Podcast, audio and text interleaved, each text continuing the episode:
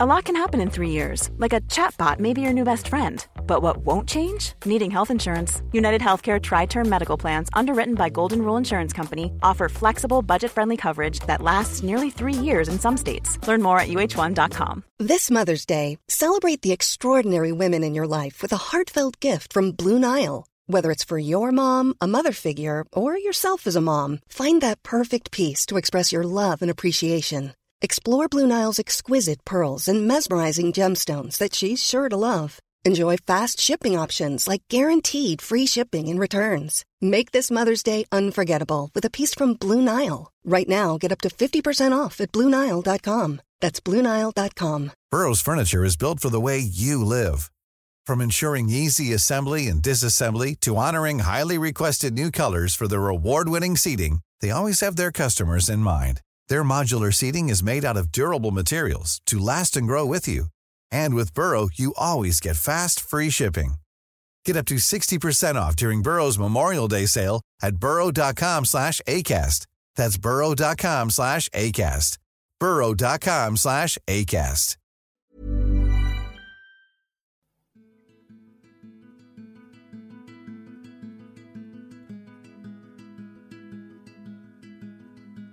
Hej och välkomna till podden Sorgsnack med Lea och Jenny.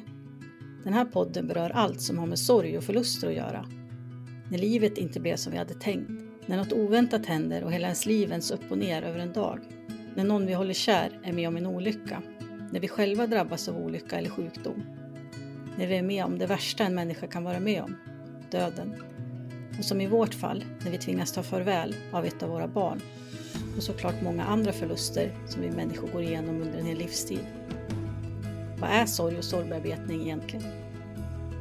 Vi kommer gästas av kända och okända personer som kommer dela med sig av sina berättelser och som möter sörjande i sin profession.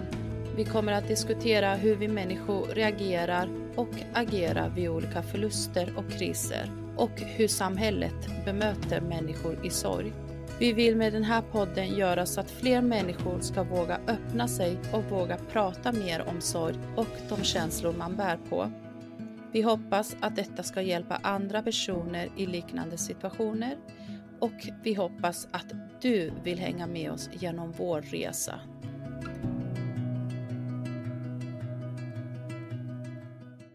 Idag har vi med oss Elisabeth Grek från Hudiksvall. Hon förlorade sin 20-åriga son Björn 2015. Hon är medförfattare och redaktör till boken Vi begravde våra barn, där ett 30-tal mammor berättar om sina barn som dog till följd av läkemedel och droger. Elisabeth föreläser också. Hon berättar Björns historia och hur det påverkat deras familj att förlora honom. Och det här gör hon för att försöka få till en förändring kring beroendevården och för att visa att det här kan drabba precis vem som helst. Hon är även journalist och certifierad vägledare i en skrivmetod som heter Write Yourself. Idag ska vi få reda på mer om Björn om Elisabeths väg genom sorgen och hennes arbete med att hjälpa och utbilda andra människor.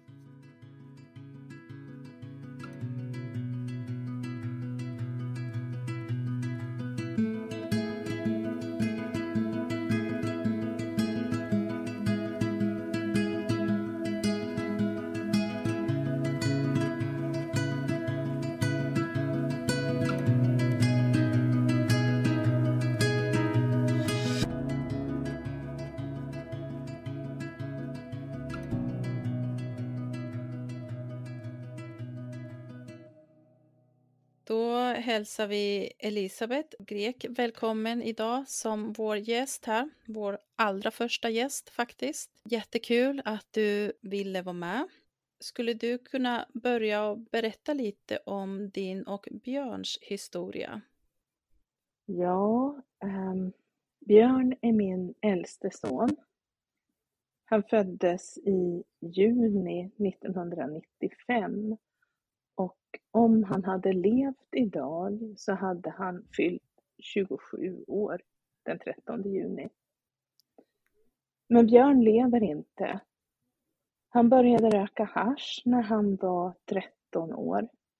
Och ungefär samtidigt så började han också med alkohol och eh, tobak i form av snus och cigaretter han testade lite olika droger, bland annat GHB och kanske en del andra saker som jag inte känner till. Cannabis däremot vet jag. Han bad om hjälp att sluta när han hade hållit på i drygt ett år. Och fram till dess så visste varken jag eller hans pappa vad som pågick. Trots att vi frågade honom och trots att vi letade efter tecken. Jag kände i magen att det var någonting som var fel, som inte stämde. Under sin gymnasietid så utvecklade Björn ett eh, komplicerat blandmissbruk och eh, det lyckades han dölja väldigt väl. Vi fick ofta inte veta någonting förrän han hade hållit på ganska länge och väldigt mycket och eh, han hamnade på sjukhus på grund av överdoser vid flera tillfällen. Till slut så hade han gått ner sig ordentligt. Mm. Hans missbruk var så här svårupptäckt därför att han hela tiden skötte skolan. Och så vitt jag känner till så begick han inte några brott för att finansiera sitt missbruk. Utan han, han köpte billiga droger, han använde dem hemma, kanske en del med kompisar, men han var inte ute och festade hela nätter. I alla fall inte särskilt ofta. Så det gjorde det hela väldigt svårupptäckt och jag tror att det bidrog mycket till att det var svårt att få stopp på därför att det hann gå så väldigt långt. Han hann gå ner sig så väldigt mycket i sitt beroende innan han fick hjälp.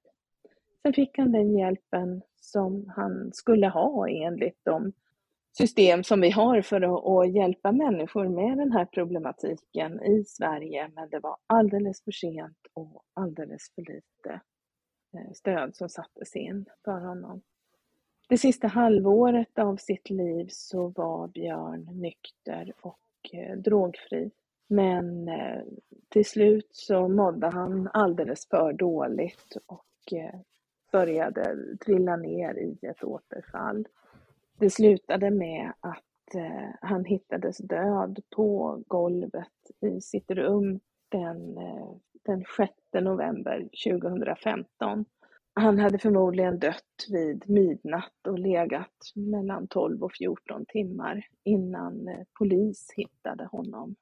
Tack och lov så var det inte vi anhöriga som hittade honom och inte kompisar heller, utan det var polisen som var ditringd för att vi saknade honom. Han hade tagit en överdos av de mediciner som han hade utskrivna till sig själv eh, mot eh, ångest, depression och en drogutlöst psykos. Han hade helt enkelt drogat sig till eh, psykisk sjukdom i form av eh, psykos och depression en djup depression. Vad som är mindre känt bland folk som förespråkar cannabis det är att i abstinensen efter cannabis ingår ofta en väldig ångest. Så att mm, röker man på så får man efter några dygn ett ångestpåslag som är tio gånger värre än det man hade ifrån början. Och det är klart att då vill man ju röka på igen. Och sen så börjar man med andra saker och det, det var precis vad Björn gjorde när cannabisen inte räcker för att dämpa den här ångesten som förvärras av cannabisen, lindras först men sen blir värre, ja då börjar han ju med annat. Han började med Stesolid och han fortsatte med andra ångestdämpande läkemedel, hela tiden starkare och starkare. Tills han hade drogat sig till riktigt svår ångest och eh, psykos. Upplever du Elisabeth att ni som föräldrar fick något stöd av vården i det här? Ja, det gör jag. Eh, jag tycker att vi fick eh, mycket stöd. Det, kanske, det är nog väldigt subjektivt för jag tror att det beror väldigt mycket på vad man förväntar sig att man ska få också. Ehm, första vändan när vi försökte hjälpa honom när han alltså hade hållit på i ett år drygt och berättade själv. Eh, då var det fullt pådrag med eh, BUP vi fick träffa en psykolog, Björn fick träffa psykologen på BUP eh, och gick på ett antal samtal där. Skolhälsovården var inkopplad, rektor och mentorer var inkopplade för att skolan skulle stötta upp.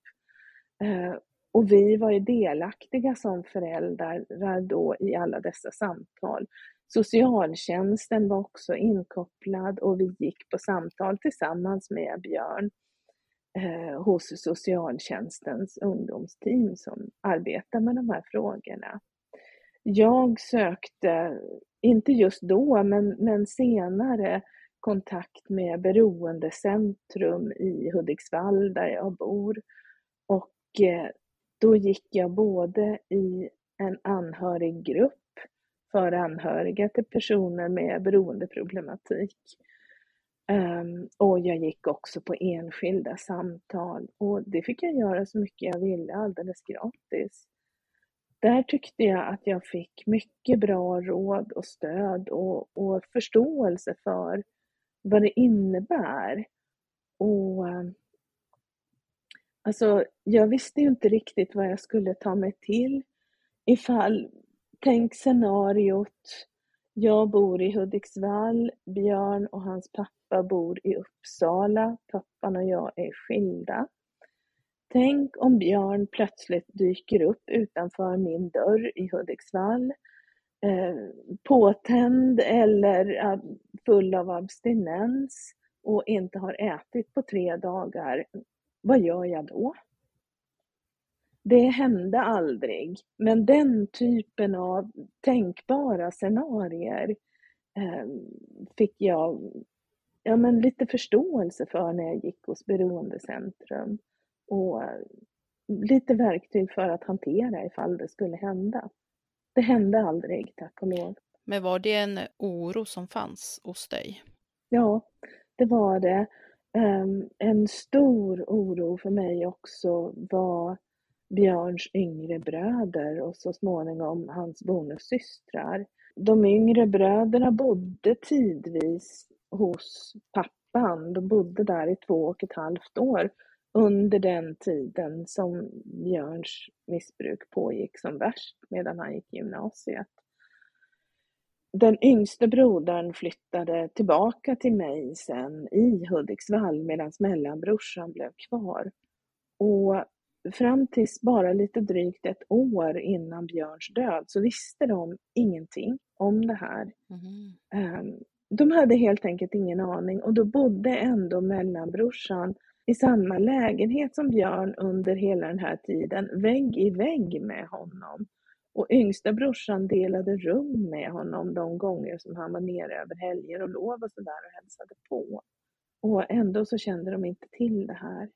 Det skiljer några år i ålder. Det är fyra år mellan Björn och mellanbrorsan och sex år mellan Björn och yngsta brorsan. Så de var ju yngre men ändå tonåringar. Mm. Och det, det, var ju så att Björn var så, så skicklig på att dölja vad han höll på med. Min oro var ju naturligtvis att han skulle påverka dem. Mm. Ja, det förstår jag. Um, kort och gott, jag ville ju inte att han skulle lära dem att ta droger. Nej, såklart. Det gjorde han aldrig. Tvärtom, alltså han gjorde allt för att dölja det för sina småbrorsor. Jag har aldrig skämts en sekund för Björns missbruk, beroendesjukdom. Men han själv skämdes oerhört över det. Fanns det några tecken som du nu ja, känner att ja, men det här var kanske uppenbart eller hur kunde jag missat det här? Eller var han verkligen jätte, jätteskicklig på det att det inte fanns någonting för er som föräldrar att uh, gå på? Jag tycker att jag gick på det jag såg um, att jag kunde gå på jag har inte tänkt, hur kunde jag missa det här? Därför att det jag såg, och alltså märk väl, jag tittade, för det är ju så här va, man ser ingenting där, jag inte där man inte tittar. Men jag tittade, jag letade efter tecken. Jag gick ner i hans rum när jag kände i magen att nu, det är någonting som inte stämmer. Vad är det? Och jag tittade i hans rum och letade bland hans saker en dag när han inte var hemma. Och mitt på golvet i hans rum så hittade jag en liten pipa gjord av trä. Då gick Björn i sjuan. Och jag vet ju nu i efterhand att då hade han börjat röka på. Jag tog den där pipan i beslag, jag tog honom eh, i förhör och frågade vad är det här, vad har du haft den till? Han blånekade. Jag ringde till BUP och frågade vad jag skulle ta mig till och BUP sa att nej, har han rökt då på riktigt? Nej, så jag kan inte bevisa någonting. Han själv säger att han inte har gjort det. Men jag känner ju på mig att han inte mår bra och att det är någonting som är fel. De hänvisade mig till skolhälsovården för att de hade ont om tider och så gick han på lite samtal där. Och sen så var det liksom bra med det. Så att jag tycker att jag agerade när jag var vid misstanke. Jag höll ögon och öron öppna. Det här är ju en väldig befrielse för mig idag, för jag känner inte skuld. Det är skönt att slippa. Jag känner varken skuld eller skam, utan jag känner att jag gjorde allt jag kunde för att rädda Björn. Men det var så här svårt därför att han var så skicklig på att dölja det. Men känner du att ni, hade, att ni kanske hade kunnat fått mer hjälp ifrån början, ifrån samhället och att ni hade kanske kunnat komma till bukt med det här på ett annat sätt om ni hade fått mer stöd? I så fall så får man kanske gå ännu längre tillbaka i Björns liv. Därför att Björn var redan som spädbarn eh, svår. Han var ju mitt första barn. Vi var rätt så unga när vi fick honom, vi var bara 25, eh, pappan och jag. Um, och han sov inte. Och när jag säger han sov inte så menar jag att det var så här. Han vaknade en gång i timmen varje natt, månader i sträck. Och sen så gick det ett tag och så vaknade han kanske bara fyra gånger varje natt istället för en gång i timmen i några månader. Och sen så var han tillbaka på att vakna en gång i timmen. Alltså så där höll han på tills han var fyra år. Um, och vi var, sökte hjälp hos barnavårdscentralen och vi fick eh, prata med BVC-sköterskan och jag pratade med en läkare och bad om att få någon form av sömnmedel till Björn så att vi skulle kunna bryta mönstret. För han var samtidigt väldigt rutinbunden, så hade man bara en bra rutin så fungerade saker, så kunde man i alla fall förutse hur det skulle bli. Liksom. Eh, läkaren sa nej. Vi fick inget sömnmedel till honom. Och det kan inte jag bedöma rent medicinskt, men, men eh, som mamma så tyckte jag att det var hemskt. Jag var fullständigt utmattad och fick en utmattningsdepression eh, som jag gick med sen i åratal. Um, och det var ju naturligtvis inte heller bra för Björn att inte jag mådde bra och det var inte bra för hans småbröder heller att inte jag mådde bra. Vi fick tid hos barnavårdscentralens barnpsykolog och fick gå på ett par samtal där. Kontentan av det var att hon sa att eh, det verkar inte vara något fel på Björn, men jag tycker att barn ska sova i sin egen säng det blir lugnare både för barnen och föräldrarna om man vänjer dem vid det. Och så hade vi det redan. när vi jobbade vidare på det och det var skönt att känna det stödet. Men något mer stöd än två samtal med barnpsykologen på, på eh, barnavårdscentralen, det fick vi inte då. Då var Björn mellan ett och ett halvt och två år. Och att låta honom ligga och skrika, det funkade inte. För alltså, han skrek och skrek och skrek och skrek och det slutade med att grannen kom upp och ringde på dörren och sa att så där kan man inte göra. Eh, när vi försökte vänja honom vid att vi inte skulle gå in på, till honom på nätterna. Eh, det, det, gick inte, han, han gav sig aldrig.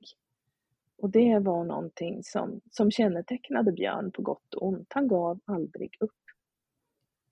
Så att alltså, om vi skulle ha fått mera hjälp och stöd ifrån vården, ja, det borde vi ha fått långt tidigare.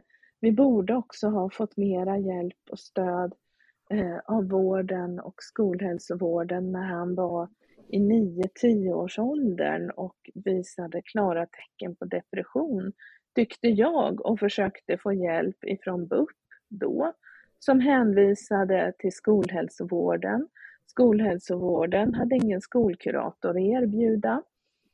Utan eh, det blev några samtal med skolsköterskan som var en snäll, snäll och trevlig människa men som inte har rätt, hade rätt kompetens att lyssna på en deprimerad nioåring och hjälpa honom. Sen så dök det upp en skolpsykolog som skolan lyckades skramla fram. Och det här tror man inte är sant, men jag trodde att skolpsykologen gav Björn samtalsstöd och jag tänkte att åh, hurra, äntligen, han får liksom det bästa tänkbara stödet. Och jag tyckte att han började må lite bättre. Då var han i ja, men, 10 års ålder, 9-10 års åldern. Och sen så gick det drygt ett år och så kallades vi plötsligt till ett möte på skolan. Och när vi kommer dit så sitter rektorn och Björns mentor och skolsköterskan och en person som jag aldrig har sett tidigare men som presenterar sig som skolpsykologen och säger att ja, men vad bra att ni kunde komma. Ehm, jag ska bara tala om att nu har vi gjort den här utredningen färdigt på Björn och han har inga inlärningssvårigheter. Va? sa jag. Vadå inlärningssvårigheter? Det, det har vi liksom, det har aldrig varit en fråga från vår sida. Liksom. Nej, men då hade skolan tydligen Eh, begärt en sån utredning därför att Björn fick ingenting gjort i sitt skolarbete. Men jag hade verkligen inte förstått att det var någonting sånt de höll på med. För mig var det väldigt uppenbart att ja, men Björn får ingenting gjort i skolan därför att han mår dåligt och är deprimerad.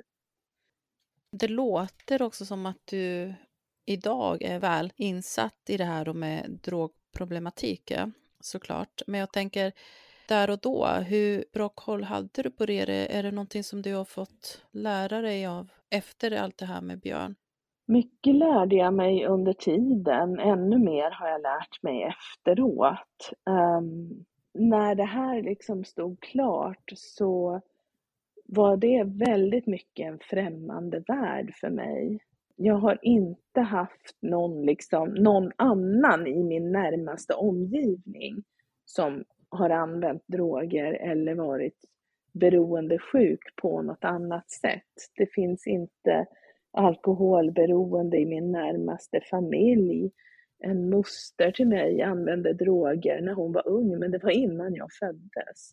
Eh, men annars, det är liksom ingenting som jag har sett på nära håll sådär så att jag men det var just det här när jag kände då när Björn var 13 år, när han gick i sjuan, och jag kände så väldigt tydligt att nu är det någonting som inte är bra. Han var ju min första tonåring, så jag hade ingen erfarenhet att gå tillbaka på som jag hade sen lite grann när de andra två var i den åldern. Sen är det ju olika med olika barn också, man vet ju liksom inte. Och det är så väldigt svårt i den åldern att skilja på vad som är att han är han vad som är att han är tonåring i största allmänhet och vad som är att han håller på med droger.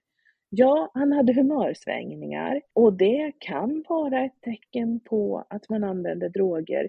Men när han var två och ett halvt år så hade han vansinniga trotsutbrott. När han var sex år hade han vansinniga vredesutbrott.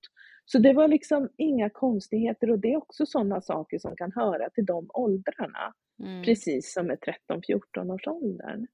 Nu kommer inte jag ihåg vad det var du frågade om som jag försökte svara på. Jag bara sväva iväg. ja, men det här med drogproblematiken, hur väl insatt eh, du var i det innan? Så var det ja. Um, jag började läsa på då, eller rättare, hade ju läst på lite grann innan. Men jag läste på lite till. Ja, vad ska man titta efter då? Vad ska man hålla koll på när man har barn i nedre tonåren eller kanske till och med lite yngre. Ja, man ska hålla koll på att de inte är ute sent på kvällar och nätter utan att man vet var de är och vilka de är med.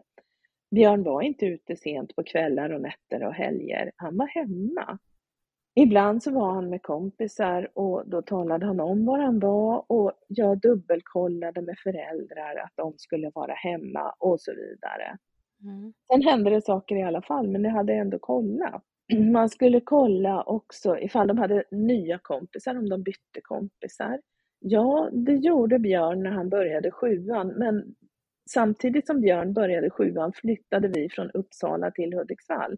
Det är nästan 25 mil och det är inte så konstigt att man byter kompisar då. Inga av Björns nya kompisar verkade skumma eller konstiga på något sätt. De var hemma hos oss några gånger och det var liksom, ja, de satt i hans rum och, och gaggade lite grann så som liksom killar gör. Det var inga konstigheter.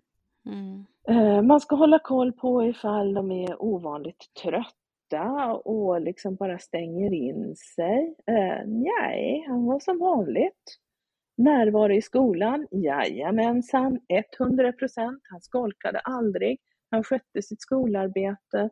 Det sa lärarna att ja, det är ju en stökig klass han går i, men han sköter sig jättebra, han gör det han ska, han jobbar på lektionerna, han försöker verkligen. Rödsprängda ögon kan de ha om det är någonting som är konstigt på gång, läste jag. Det hade han inte. Stora eller små pupiller? Nej, det hade han inte heller. Mm. Så ja, och alla de här grejerna kollade jag när han gick i sjuan. Mm. Och så kände jag ändå att det var någonting som var fel. Och det var då jag gick ner i hans rum en dag när inte han var hemma och hittade den där pipen. Och slog larm och fick inte riktigt den hjälp jag skulle ha behövt, eller vi skulle ha behövt. Tänk om Björn hade fått komma till BUP då, prata med en psykolog med bra kunskap i de här frågorna som verkligen kan möta en ungdom i den åldern och hjälpa honom. Gå till botten med, okej, okay, vad är det som gör att du mår dåligt? Hur känns det? Hur mår du? Hur är det? Vad kan vi göra? Istället för att, alltså, jag vill inte idiotförklara skolkuratorer, absolut inte. Men den kompetens som fanns att tillgå, den räckte inte för att hjälpa Björn. Det är väl det jag vill ha sagt. Jag tänker att det här, som, som du själv sa, så var ju Björn din, ditt första, ditt äldsta barn. Och det här måste ju ha påverkat dig jättemycket mm. som mamma när dina yngre barn själv kom in i tonåren. Hur har du upplevt det själv, oron och att, ja, att gå och bära på det? Eller har du känt dig lugn i det? Jag har absolut inte känt mig lugn. Jag har varit livrädd för att samma sak skulle hända dem. När Björn dog, då var hans mellanbror 16 år hade precis börjat gymnasiet och han kämpade och slet med matten och han trivdes jättebra i sin klass och jag tänkte herregud, alltså det, det här går inte, han kommer inte palla, han orkar inte. För han blev så knäckt när Björn dog. Men han fick jättebra stöd. Skolhälsovården ställde upp. Han blev hänvisad till ehm, Ja, det var inte BUP, för det, jag tror han var för gammal för det, och det var inte vuxenpsyk. Men det fanns något mellan, mellanting i Uppsala för tonåringar som krisade på riktigt. Och dit fick han komma. Han fick vara i skolan så mycket han orkade och när han inte orkade så slapp han. Lärare gick in på sin fritid och gav honom stödundervisning. Och han fixade första läsåret i gymnasiet och sen var han på banan och kunde fortsätta i sin klass, ta studenten med dem. Idag är den här killen nyexaminerad brandman och har fast anställning på Bromma flygplats i Stockholm. Är det någon som inte hör hur stolt jag är? Mm, det är klart du är, det ska du vara. ja. Och yngsta sonen, han bodde hos mig när det här hände. Han var 14 år och var också fullständigt förkrossad men ville snabbt tillbaka till skolan, till sin klass. Jag vet att han har pratat en del med kompisar och sådär om vad som har hänt. Ingen av oss gör någon hemlighet av det. Och det har gått bra för honom också. Ehm, jag höll ögonen på honom när han var tonåring och jag var nog, frågade honom så var jag överbeskyddande och alldeles för sträng och bra mycket striktare än alla hans kompisar. Och det kan hända, jag krävde att han skulle vara hemma liksom vissa tider och sådär. men, men vi pratar om när han var 16 år, då skulle han vara hemma senast klockan ett, om jag minns rätt. Det är liksom, vi hade de här tiderna liksom och vartefter han blev äldre desto senare fick han ju komma hem. Det var inte så att han måste vara inne klockan nio när han var 15. Och, eh, han skulle väcka mig och, och, jag kollade av att han var nykter och sådär och, och ja men det funkade bra. Idag är han 20 år, han fyller 21 i maj och pluggar till socionom i Östersund. Han pratar mycket om att framöver jobba med ungdomar och missbruksfrågor. Mm, vad fint. Ja, verkligen. Mm. Men du gör ju också det, eh, arbetar med dels då att belysa drogproblematiken i samhället idag. Kan du berätta lite på vilket sätt du gör det? Ehm, jag är ju journalist till yrket, arbetar som reporter på Ljusdalsposten, en lokaltidning i Hälsingland. Ehm, vid sidan av mitt arbete så eh, har jag en frilansverksamhet där jag bland annat föreläser. Och när jag föreläser så är min ingång min personliga berättelse om Björn och eh, att vara mamma till honom.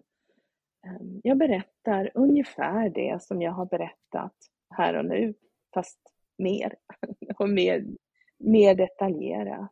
Så att publiken får en personlig berättelse ur mitt perspektiv som mamma om Björn. Björn kan ju inte längre tala för sig själv.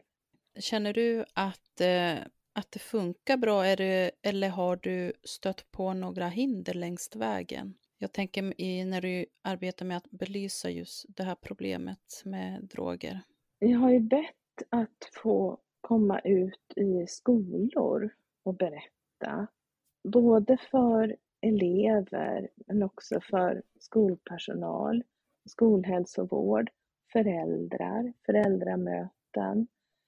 Ehm, och eh, de förfrågningar jag har skickat till högstadier och gymnasieskolor, där har jag mötts antingen av tystnad eller eh, tack men nej tack. Jag tycker att det är synd, det är beklagligt. Jag ser att när jag berättar så blir människor väldigt berörda. Vuxna karar gråter när jag föreläser. Inte alla, men det händer. Och jag tänker att just det här personliga berörandet. Jag står inte och rabblar siffror och effekter av olika droger hit och dit och akta er för det här, för det är farligt på det här sättet. Utan jag berättar, så här var det för Björn. Han var en ganska vanlig kille och vi var en vanlig familj. Och det här kan hända om man börjar med droger. Ehm, det är ett budskap som jag väldigt gärna skulle vilja framföra till dagens unga och till de människor som arbetar med ungdomar. Ehm, men av någon anledning så, så verkar det inte finnas plats för det. Mm. Jag försöker att nå fram på andra plattformar istället.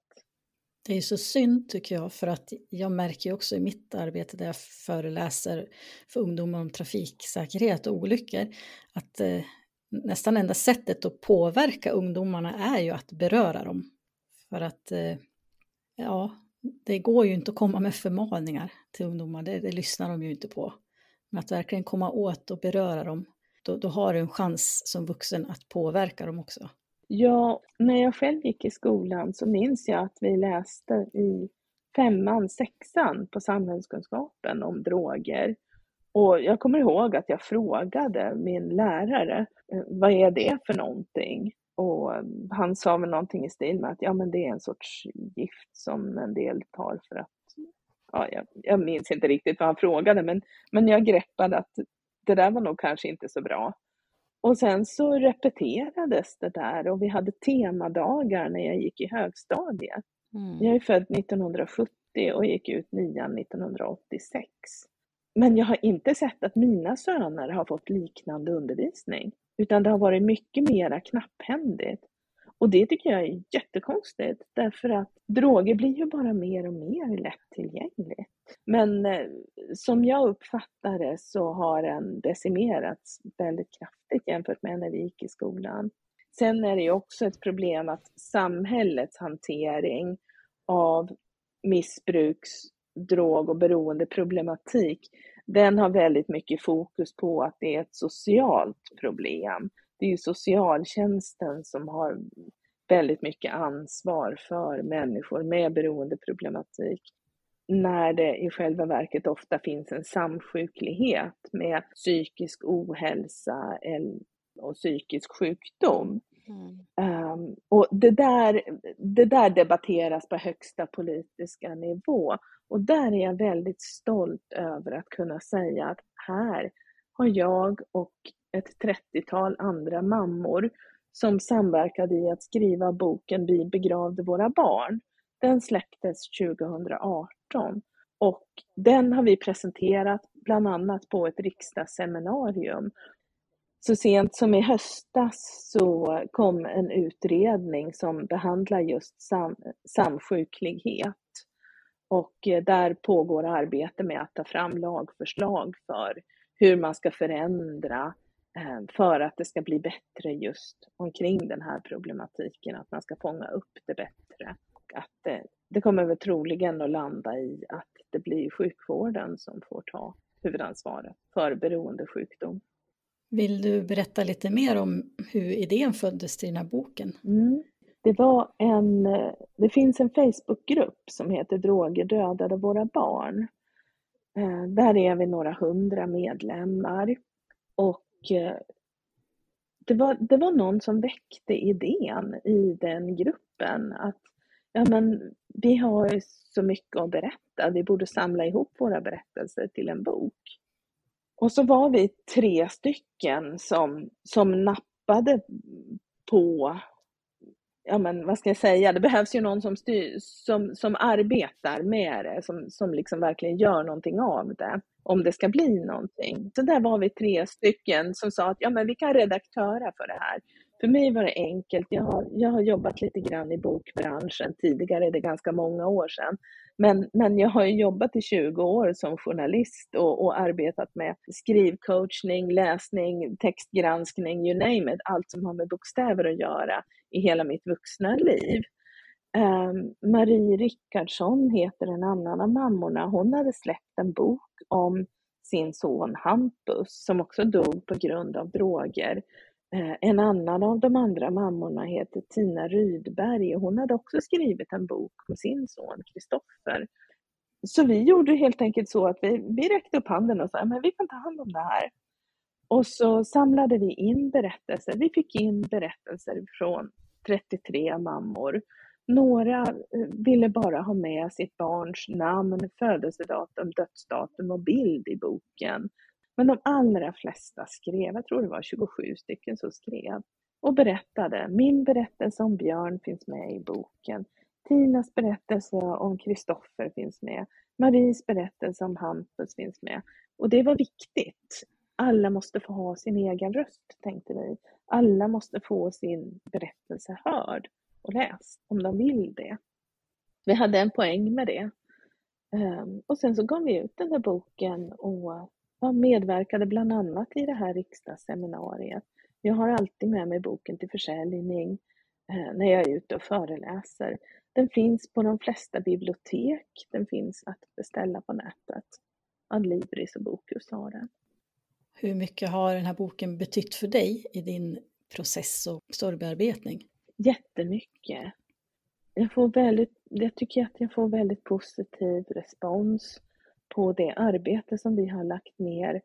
Och det allra bästa är när det kommer nya förtvivlade föräldrar som har varit med om samma sak som vi och de vill läsa boken för att inte känna sig så ensamma. Då har vi verkligen gjort ett jobb. Och det allra största jobbet, det, har, det gör vi ju om den här boken bidrar till en förändring. Därför att det är ett faktum att nästan 1000 människor dör i Sverige på grund av droger eller läkemedel varje år. Och så har det sett ut i många år. Siffran brukar ligga på cirka 950 personer per år.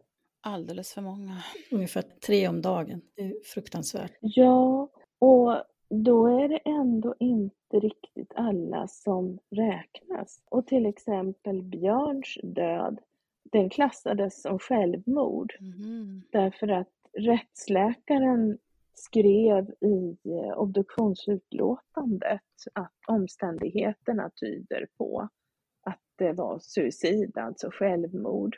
Och anledningen till att det inte finns finns med i eh, förgiftningsregistret över döda som dödsorsaker med, av förgiftning. Det som Björn hade i blodet vid obduktionen, det var hans egna läkemedel och ingenting annat. Alltså de läkemedel som han hade på recept och det hade han då tagit för mycket av och det har han säkert gjort själv. Men vi har inte hittat några tecken på att det skulle vara självmord och jag tror inte det. Jag tror att han helt enkelt mådde skit och försökte få lite ordning på det enda sätt som han liksom klarade av, nämligen genom att, stoppa i sig någonting. Och att han då tog för mycket av sin medicin helt enkelt. Han hade ju varit nykter ett tag, eh, tagit lite droger och alkohol under några veckor. Och så var han förkyld och så tog han det här och då blev det för mycket gissar jag då för hans kropp. Så att eh, statistiken, ja, det finns mörkertal. Björn är en siffra av mörkertalen. Just på grund av att han tog de läkemedel som han själv hade utskrivna till sig. Och där kan jag ju ha synpunkter faktiskt, eller där har jag ju synpunkter på att eh, det skrevs ut så väldigt mycket medicin till honom därför att han behandlades ju för den här problematiken och hans läkare var i allra högsta grad medveten om det också. Har du haft möjlighet att framföra dina åsikter om det här till de berörda? Ja, det har jag gjort och jag brottades eh, med funderingar på om jag skulle anmäla det till IVO. Jag pratade med läkaren och han sa att det hade varit uppe på bordet um, ifall de skulle anmäla sig själva till IVO, alltså Inspektionen för vård och omsorg. Och där hade den som fattade beslut om, uh, om det på sjukhuset hade, hade bestämt att nej, vi gör inte det. Jag hade möjligheten att själv anmäla det till IVO och uh, då blev jag bara så arg när jag tänkte på det. Eh, därför att som journalist, som reporter så sitter jag och skriver notiser eller ibland artiklar i tidningen om den här typen av IVO-anmälningar. Det har hänt sådana här hemska saker. En människa har dött på grund av ja, men något slarv eller någon dålig rutin eller, eller någon miss eller så. Och så är IVO kritisk och så ska man ringa till verksamhetschefen och så säger verksamhetschefen att vi kommenterar inga enskilda fall för det får de inte göra på grund av sekretessen och det är ju alldeles rätt och riktigt. Och så säger de att vi har sett över våra rutiner så att det här inte ska kunna hända igen. Och sen så händer någonting liknande igen. Och det, jag kände bara att nej, men det leder ingen vart. Så jag gjorde den där grejen med vi begravde våra barnboken istället för att anmäla till IVO. Det kändes mer konstruktivt. Det, jag hittade mer kraft i det. Jag tror inte att en IVO-anmälan hade lett till någonting. Vad som möjligen hade räddat Björns liv, det hade väl varit kanske tvångsvård. Men jag, jag är inte säker på att det, att det hjälper heller. Jag vet faktiskt inte. Apropå det här med skrivandet utöver den här boken. Du jobbar ju lite med en skrivmetod, Write yourself. Kan du berätta lite mer om det? Mm. Det är en metod som är speciellt framtagen för personer som vill eh, använda skrivande som metod för att bearbeta och hantera trauma. Och vad som är trauma, det, det avgör man själv. Det som man upplever som svårt och som man behöver sätta ord på. Eh, det får man verktyg att skriva om genom den här metoden. Jag håller kurser och workshops i den, eh, den metoden. Mm. Du ska ju ha en, en kurs nu här fram i maj. Du kan väl berätta lite om den också? Ja, det är planerat på en kursgård Ehm, i Svenstavik utanför Östersund. Ehm, jag har ett samarbete med en yogalärare. Jag har sett att enkel mjuk yoga är ehm, ett perfekt komplement till den här skrivmetoden.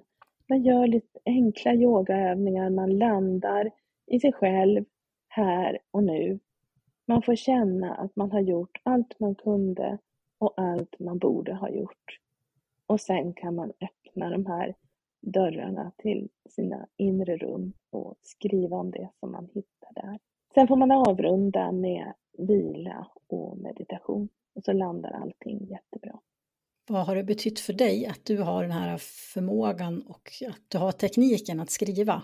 Det är mitt uttryckssätt, mitt element. Den första tiden efter Björns död så hittade inte jag ord. Alltså jag kunde prata men, men jag kunde liksom inte uttrycka det jag kände och jag kan fortfarande inte uttrycka vad som kändes då.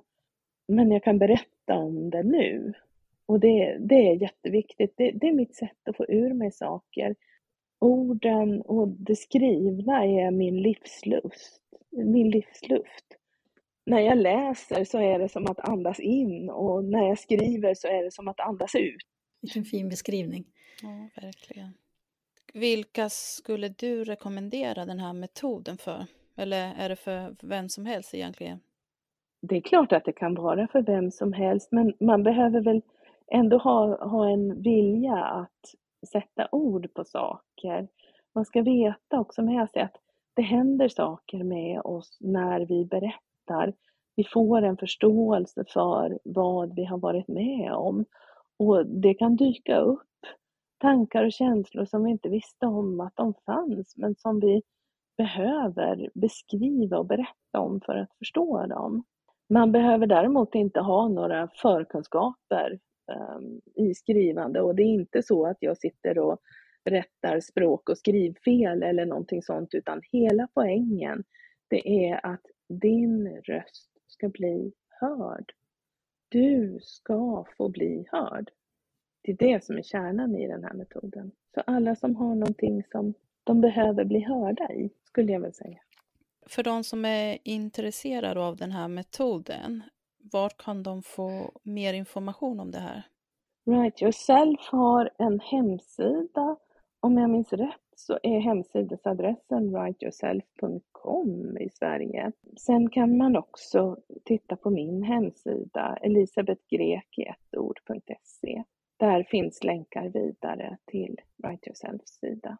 Där kan man också hitta andra certifierade vägledare. Man söker sig till, ehm, det kan finnas kanske i ens eget närområde. Vi finns spridda i Sverige. Så att eh, det är bara att kolla. Man kan googla på Write Yourself så hittar man. Nu, den här kursen du ska anordna är ju över en, en helg, men brukar du anordna kurser på andra sätt eller typ kvällskurser eller eller brukar folk kontakta dig för individuell skrivträning eller skrivövning i den här metoden? Ja, både och. Jag har hållit kvällskurser eh, till och från. Det har ju varit, som alla vet så har det varit eh, coronapandemin nu i ett par år.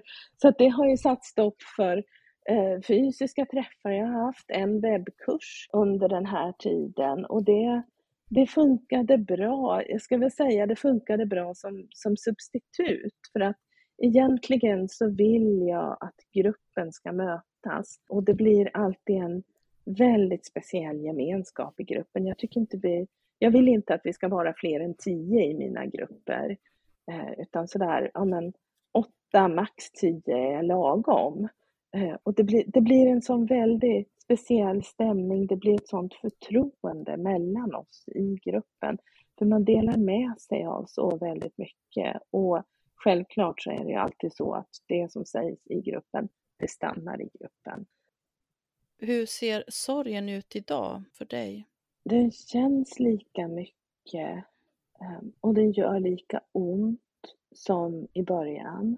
Men den är inte längre lika total. Förstår ni hur jag menar?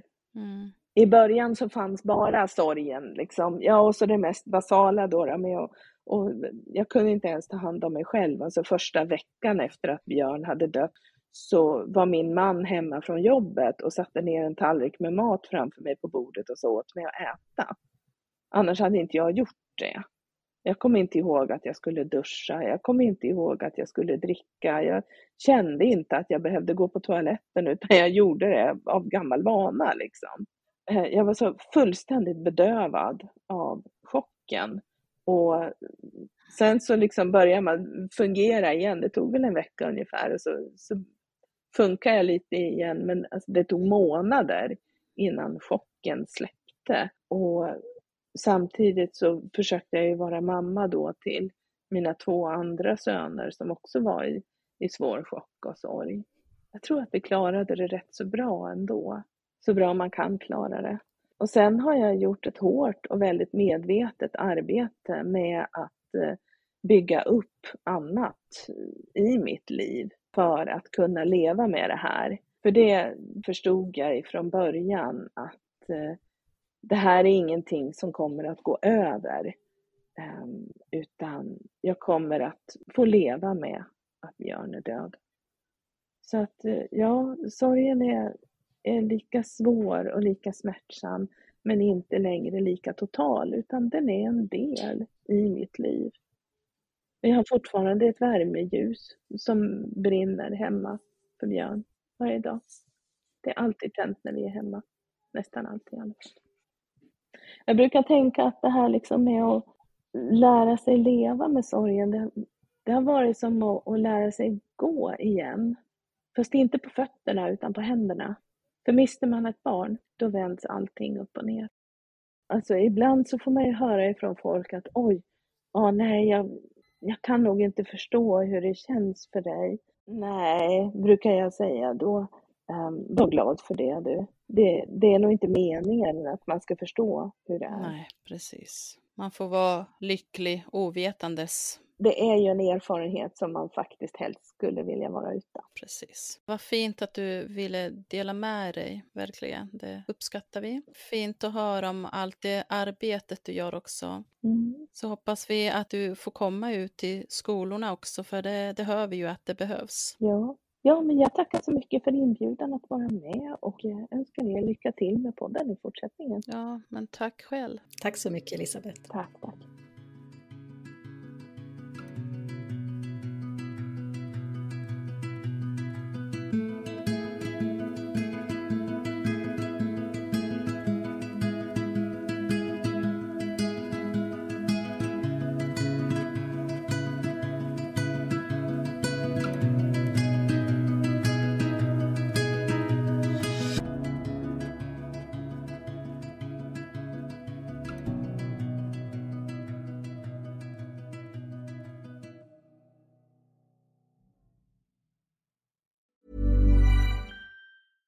Hey, it's Paige DeSorbo from Giggly Squad. High quality fashion without the price tag. Say hello to Quince. I'm snagging high-end essentials like cozy cashmere sweaters, sleek leather jackets, fine jewelry, and so much more. With Quince being 50 to 80% less than similar brands. And they partner with factories that prioritize safe, ethical, and responsible manufacturing. I love that. Luxury quality within reach. Go to quince.com slash style to get free shipping and 365 day returns on your next order. Quince.com slash style. Even when we're on a budget, we still deserve nice things. Quince is a place to scoop up stunning high end goods for 50 to 80% less than similar brands. They have buttery soft cashmere sweaters starting at $50, luxurious Italian leather bags, and so much more. Plus, Quince only works with factories that use safe, ethical, and responsible manufacturing. Get the high-end goods you'll love without the high price tag with Quince. Go to quince.com/style for free shipping and 365-day returns.